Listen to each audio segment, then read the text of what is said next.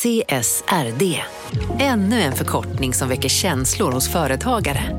Men lugn, våra rådgivare här på PWC har koll på det som din verksamhet berörs av. Från hållbarhetslösningar och nya regelverk till affärsutveckling och ansvarsfulla AI-strategier. Välkommen till PWC. Om en så vidde på väg till dig för att du råkar ljuga från kollega om att du också hade en och innan du visste ordet av du hem kollegan på middag och... Då finns det flera smarta sätt att beställa hem din sous på. Som till våra paketboxar till exempel. Hälsningar Postnord. Du har 86 missade samtal. Senaste samtalet togs emot... Att missa typ tusen kundsamtal, det är inte Telia. Att ha en molnbaserad växel som löser allt, det är Telia. Upptäck Smart Connect som gör ditt företagande enklare. Läs mer på telia.se företag. Från Monopol Media, det här är Kapitalet. Jag heter Gunnar Harjus. Och jag heter Åsa Secker. Rätta mig om jag har fel, Åsa, men visst har det låtit en hel del eh, så här de senaste månaderna? Citat. Eh, ekonomin går inte så bra. Slutcitat. du har inte fel. Det har låtit eh, eh, väldigt mycket så. Eh, här är till exempel eh, Christine Lagarde, ordförande för Europeiska centralbanken. Älskar henne. Här är hon på en presskonferens eh, när hon pratar om hur illa allting är och hur illa allting kommer att eh, bli. The spread of the coronavirus, covid-19, has been a major shock to the growth prospects of the global economy and the euro area economy. Eh, folk slutar bygga grejer, det är inte bra för ekonomin.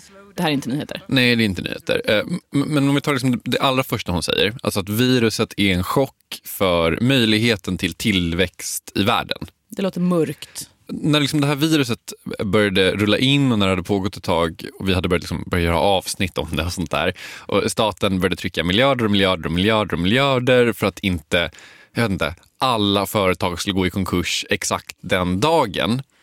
Då så hade jag också lite av en personlig kris som var att jag vågade inte öppna min börsapp för att se hur mycket jag hade förlorat. Skygglapparna var på. De var verkligen på.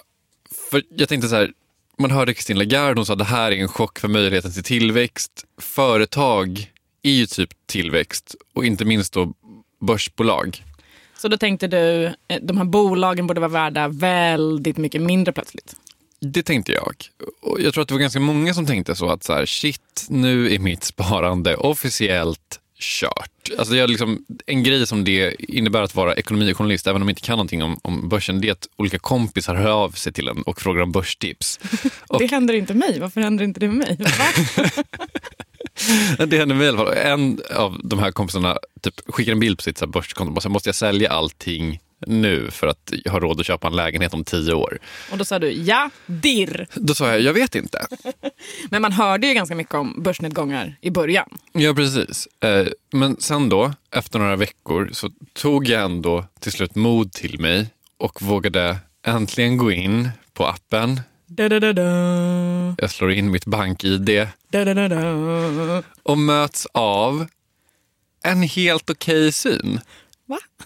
alltså det var inte bra, det hade inte gått upp direkt av coronaviruset. Men det hade liksom inte heller totalkraschat. Alltså allting som pågick i världen sa att det enda rimliga skulle vara att jag skulle mötas av helt tomma konton. Alltså världen står ju i brand. Men istället möts jag av, alltså kanske inte fulla, men ändå nästan fulla konton. Eh, grattis? Frågetecken. ja, tack? Frågetecken. Tecken. Men också, va? Alltså jag trodde vi befann oss mitt i en historisk ekonomisk kris. Och så har vi då plötsligt börserna, de här liksom centralinstitutionerna i världsekonomi. De här indexerna som används i ett århundrade för att få en indikation på hur bra det egentligen går för våra företag. Och de verkar oberörda. Alltså hur är det möjligt? Det är så konstigt. Så, så hur är det möjligt? Ja, hur är det möjligt? Efter det här.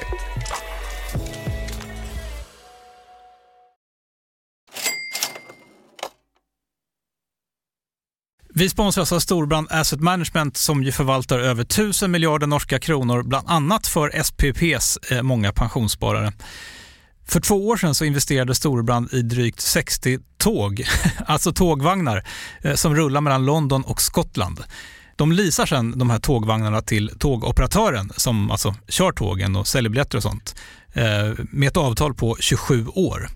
Så britterna får nya fina tåg och Storbrands kunder, eh, däribland alltså SPPs pensionssparare, får en inflationsskyddad avkastning med låga risker under lång tid. Det här är ett av supermånga exempel på hur pensionskapitalet i växande omfattning bidrar till att bygga samhället och inte minst till att klara klimatmålen. Det behövs elproduktion, elnät, batteriparker, nya transportlösningar och allt möjligt. Bara i Europa antas investeringsbehovet för att klara klimatmålen uppgå till tusentals miljarder dollar. Och det här är ju pengar som ganska ofta saknas i statsbudgetarna.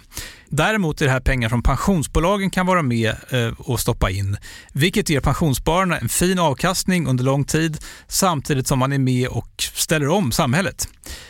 Vi har gjort ett helt avsnitt om det här eh, som man kan lyssna på. Det publiceras här i Kapitalet i mitten av maj. Ratta gärna in det om ni vill lära er mer om hur det här funkar. Men tack säger vi till Storbrand Asset Management som ju investerar i alla tänkbara tillgångslag, bland annat för pensionsbolaget SPP. Och tillsammans försöker ju vi, Storbrand och SPP, öka medvetenheten om hur pensionerna funkar och vilken roll pensionerna spelar i samhället och i ekonomin.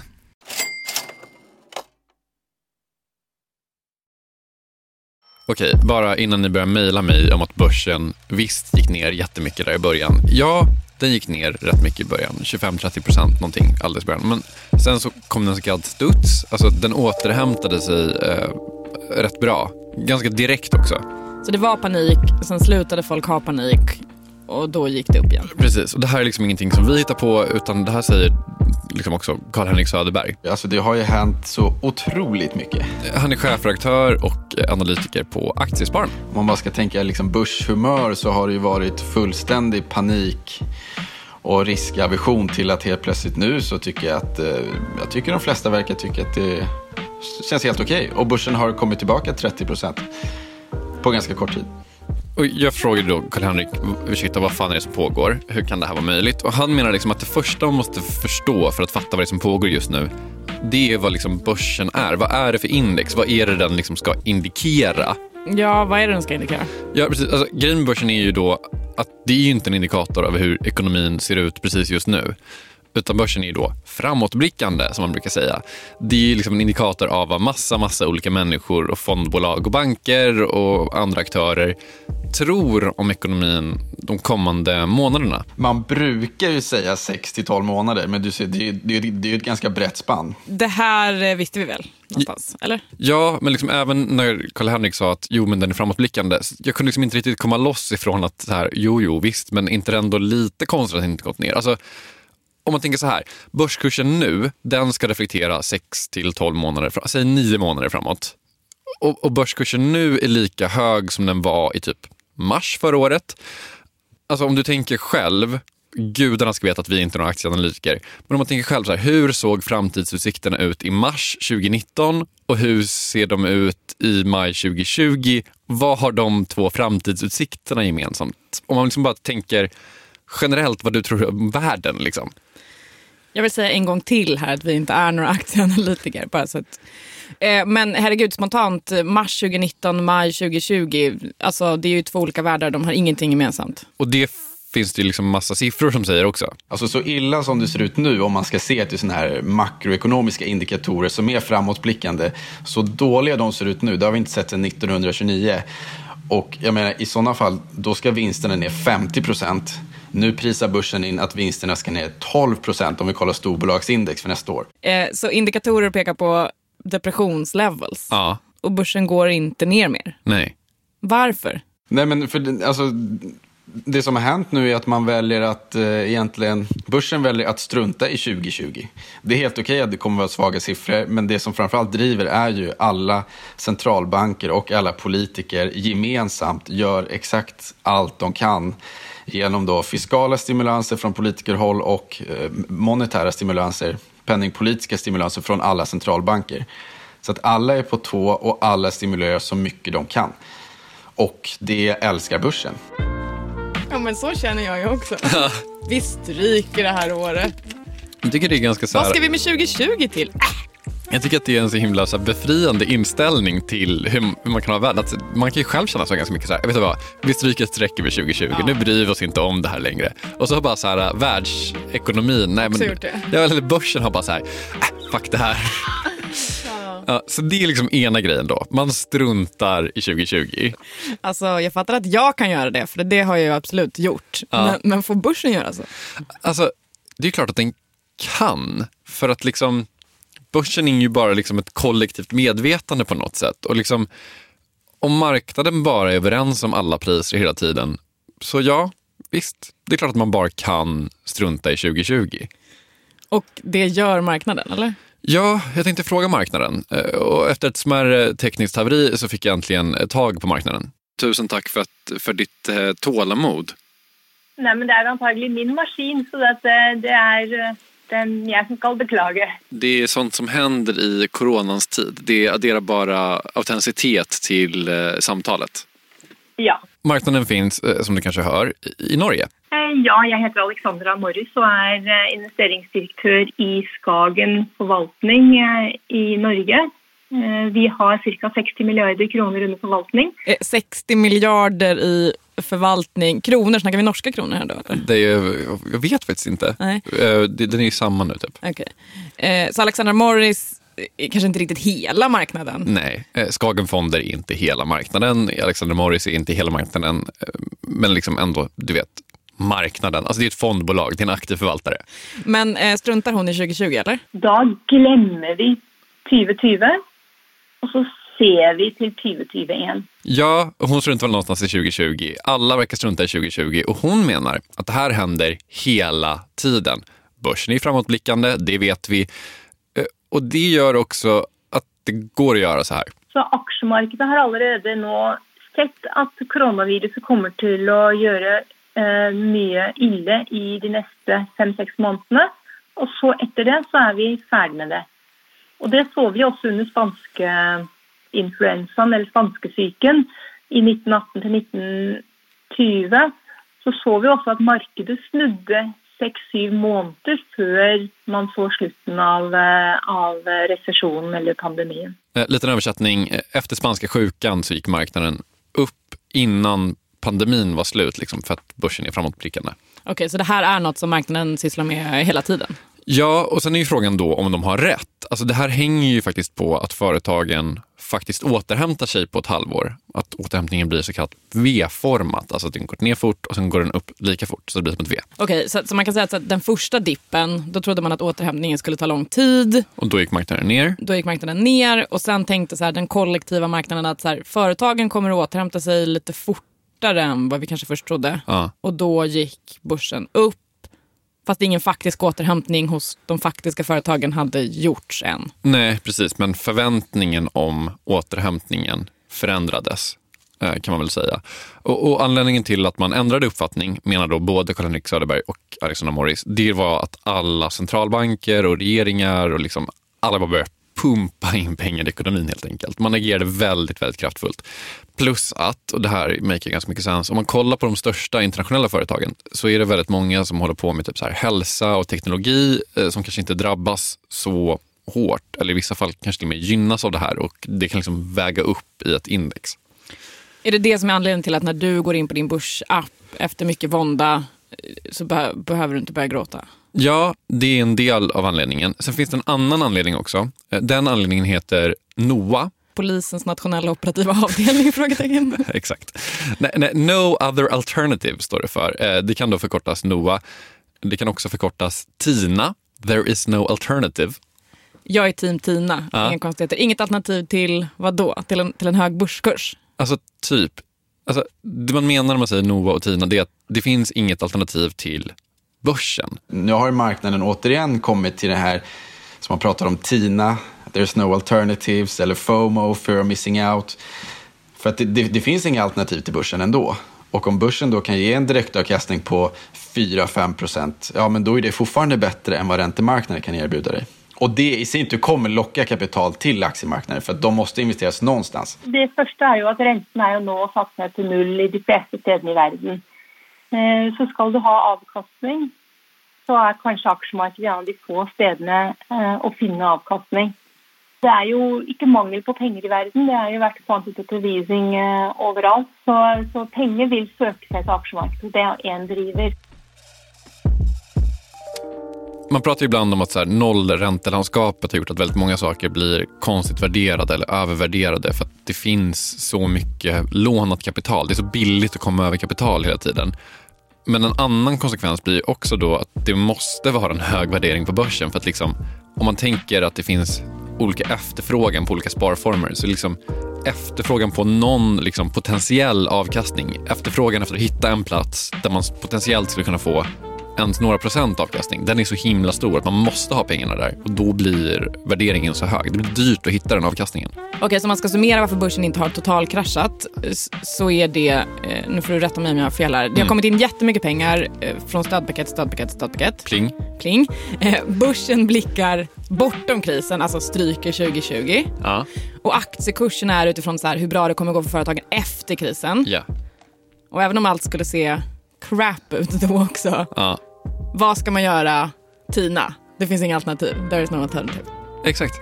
Det finns någon slags logik i det här. Ja, jag tycker också det. Alltså när man får det liksom summerat i en sån liksom, kaka av inre logik så tycker jag man känner att så här, jo men det här, de här sakerna hänger ändå typ ihop. Efter pausen, en som trots allt detta inte alls tycker att någonting hänger ihop och att börsen är på tok för övervärderad.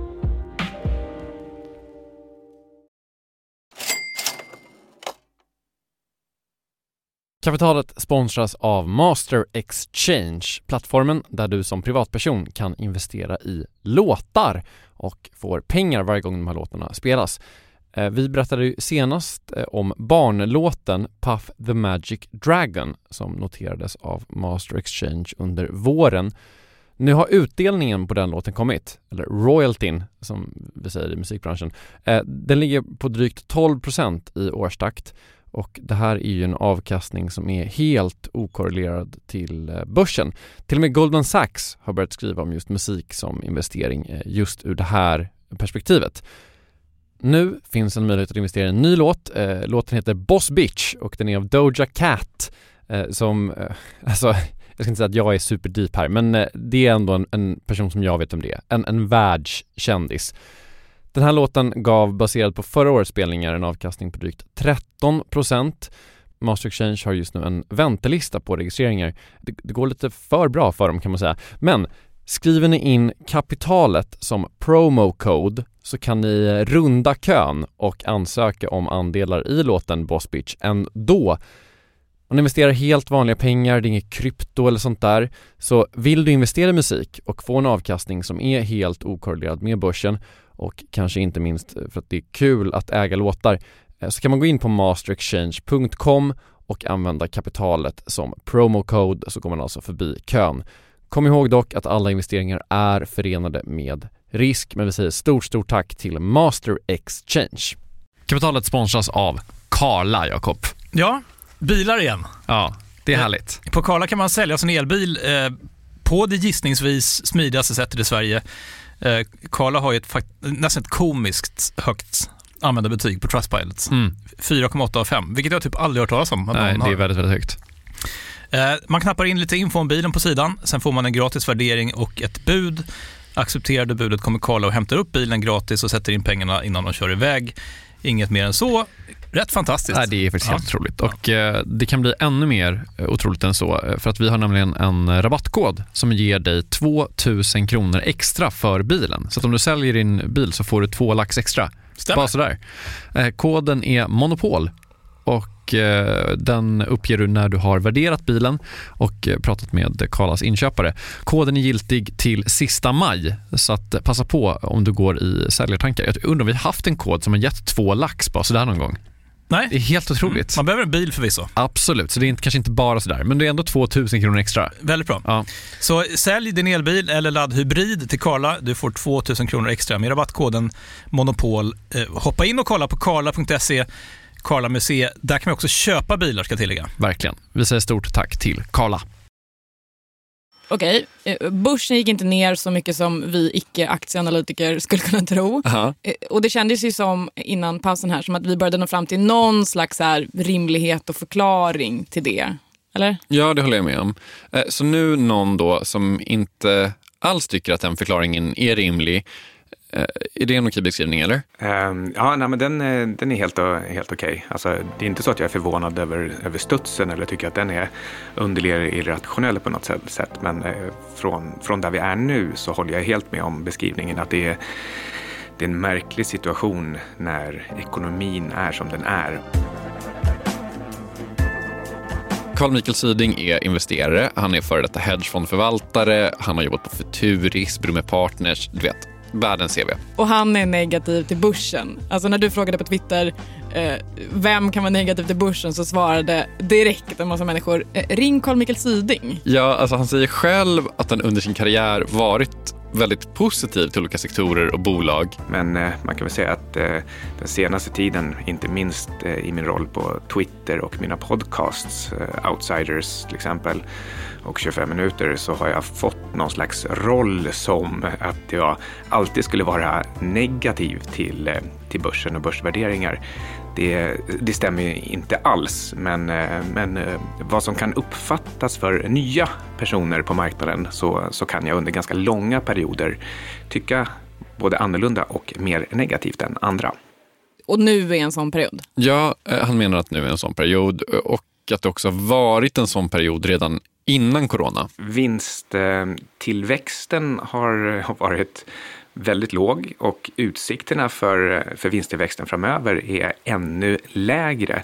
Och det, det beror på att eh, bland annat att vi, eh, vi lyckades få till en väldigt låg arbetslöshet och eh, eh, utsikterna för att låna sig till ännu mer konsumtion, den, den minskar för varje eh, varje steg som man, man tar mot ökad belåning. Och det är vad man har gjort liksom, på alla nivåer i samhället. Skuldtillväxten har i USA de senaste ska se om det är fem eller tio åren varit eh, tio gånger så hög som den ekonomiska tillväxten. Och eh, när, man, när man då lägger på de här skulderna, så ja, visst, liksom, så länge du lyckas hålla räntan väldigt nära noll, då spelar det kanske ingen roll hur, hur höga lån man har. Men man kan ju köpa en lägenhet för 100 miljoner på en städarlön om man vill, om, om räntan är, är noll. Men någon ska ha betalt för det här vid något tillfälle. Alltså så här är det då. Eh, du köper en aktie, du säger att den kostar 100 spänn eh, och då kan du kanske få en avkastning. Alltså det är en utdelning av företaget eh, som sker en gång om året. Och då kanske den är 10 spänn eller någonting. Och eh, då har du liksom betalat 100 kronor för att äga den här aktien för att kunna få den här 10-kroniga utdelningen. Och eh, det Carl Michael Syding menar någonstans, det är liksom att de här börskurserna, de har varit för höga för att de liksom hållits artificiellt höga genom lånat kapital de reflekterar inte egentligen vilken avkastning som de kommer att ge. Alltså, du har betalat för mycket för för lite avkastning är det han menar. Okej, och hur tycker han att det där förhållandet mellan priset på aktien och avkastningen borde se ut? Då borde det vara så att eh, du betalar ett pris för någonting, till exempel 100. Om, eh, om vinsten är, låt oss säga, 5 per period, 5 per år, då får du en, en ränta kan vi säga på 5 genom 100, det vill säga ungefär 5 procent. En del tycker att 5 procent i ränta, det är, det är okej. Det är liksom vad de, vad de vill ha, vad de är nöjda med och då är de helt okej med att betala 100 eh, för den här tillgången som ger 5, det vill säga vi kan kalla det för ett PE-tal på 20. Ehm, jag är inte riktigt okej med att, att eh, betala eh, så att jag bara får 5% avkastning. Och faktum är att de flesta är implicit egentligen inte det heller. De, eh, de flesta som visar upp sina aktieportföljer eller funderar över vilken avkastning de ska få, de vill gärna ha 10, 15 och till och med 20 procent per år. Och eh, då går inte den här kalkylen ihop. Alltså att om, om, om börsvärderingarna är sådana att du egentligen bara får 5 procent, men, men alla inblandade tycker att de ska ha 15 procent, då är det liksom en mismatch på faktiskt tre gånger. Han menar att det egentligen folk betalar för är alltså 15% avkastning eller 20% eller någonting, för det är liksom det folk skryter med. Och man tror då, menar Carl Mikael Syding att det är de här 15 procent avkastningen eller 10 eller något sånt där som man egentligen betalar för. Det är det man betalar för men det är inte det man får. Nej, Och framförallt så kommer man inte få det heller. precis. För att, och det här säger vi varje vecka nu, sen kom corona. Sen kom corona. Ja, alltså verkligen. Eh, Jag förstår inte hur någon kan tro att det ska bli en V-återhämtning för den faktiska ekonomin. Bara skjuta in igen, V-återhämtning, snabb återhämtning.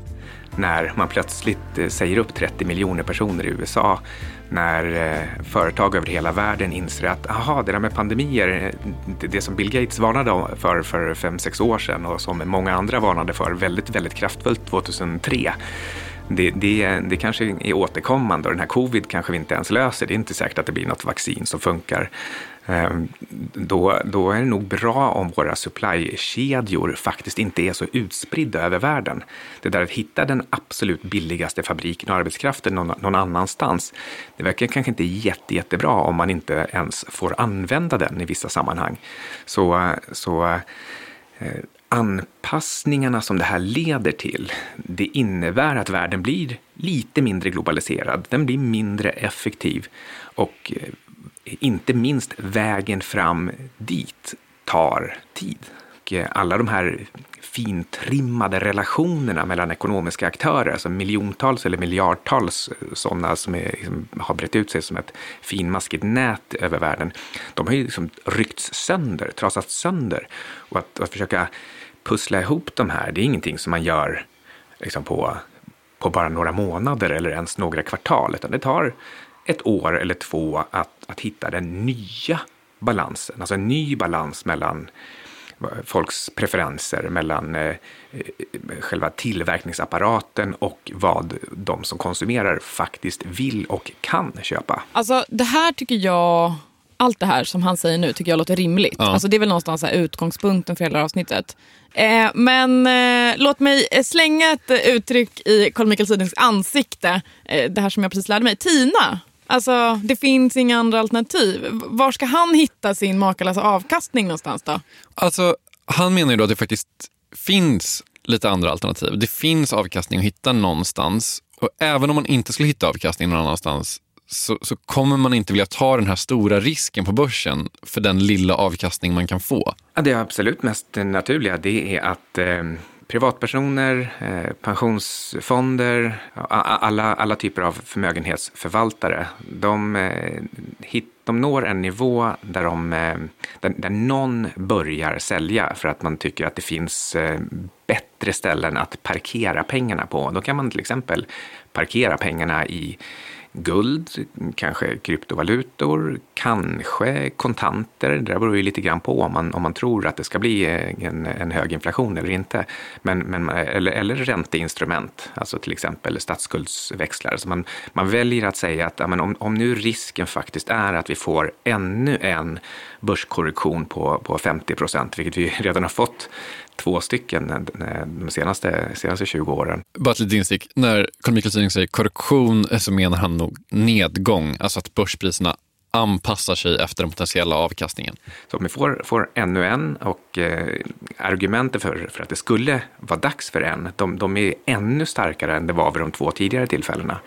Eh, när några stycken börjar bli oroliga för att det, här ska, ska ske igen då, ja då blir det ju självuppfyllande. Ja, och, eh, och det vore det, det mest liksom, naturliga som kan hända, att man plockar ut pengarna från börsen och stoppar in i någonting annat. Och när den eh, flodvågen eller raden av dominobrickor liksom tar fart, då eh, Ja, det, det krävs inte jättemycket för att, eh, att eh, sänka kurserna med, med ja, låt oss säga då, fem- 50 procent. Och då plötsligt så står vi i en, i en nivå igen då när, där börsen faktiskt är ungefär rimligt värderad i relation till eh, framtida tillväxtförutsättningar. Eh, som andra ord, han tror på en rejäl börsnedgång. Ja, det är väl liksom det han tror på mest. Det är liksom det, det ena alternativet.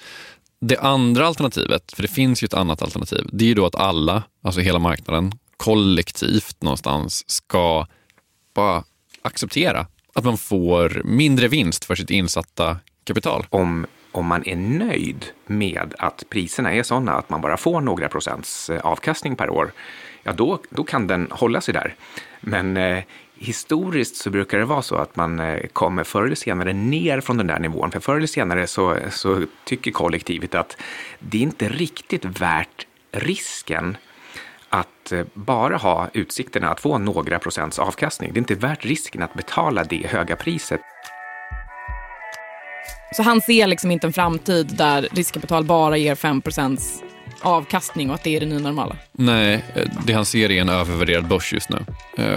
Karl-Henrik Söderberg, han är liksom inte lika säker. Han tror att det kan finnas ett litet nytt normalt, eller vad man ska säga, med lägre avkastning för att räntan är noll och du vet TINA och eh, räntan kommer kanske vara noll en lång tid framöver. Men nu måste vi fråga marknaden, Ja. alltså Alexander Morris på Skagen Fonder. Ja, och här är då marknaden såklart lite osäker. Hon sitter ju då ändå på 60 miljarder i kapital, vill kanske inte göra så här superstora utspel och sådär. Men hon säger ändå någonstans att Det är möjligt att föreställa sig en sån värld. sen vad den faktiska marknaden gör, det återstår väl någonstans att se. Men det vi kan slå fast, det är väl att den just nu uppenbarligen tycker att det är de här värderingarna som är rimliga oavsett vad du och jag känner inför att öppna våra börsappar. Och marknaden har aldrig fel? frågetecken. Alltså, den har ju aldrig fel på det sättet att marknaden är marknaden och marknaden reflekterar marknadens åsikter någonstans.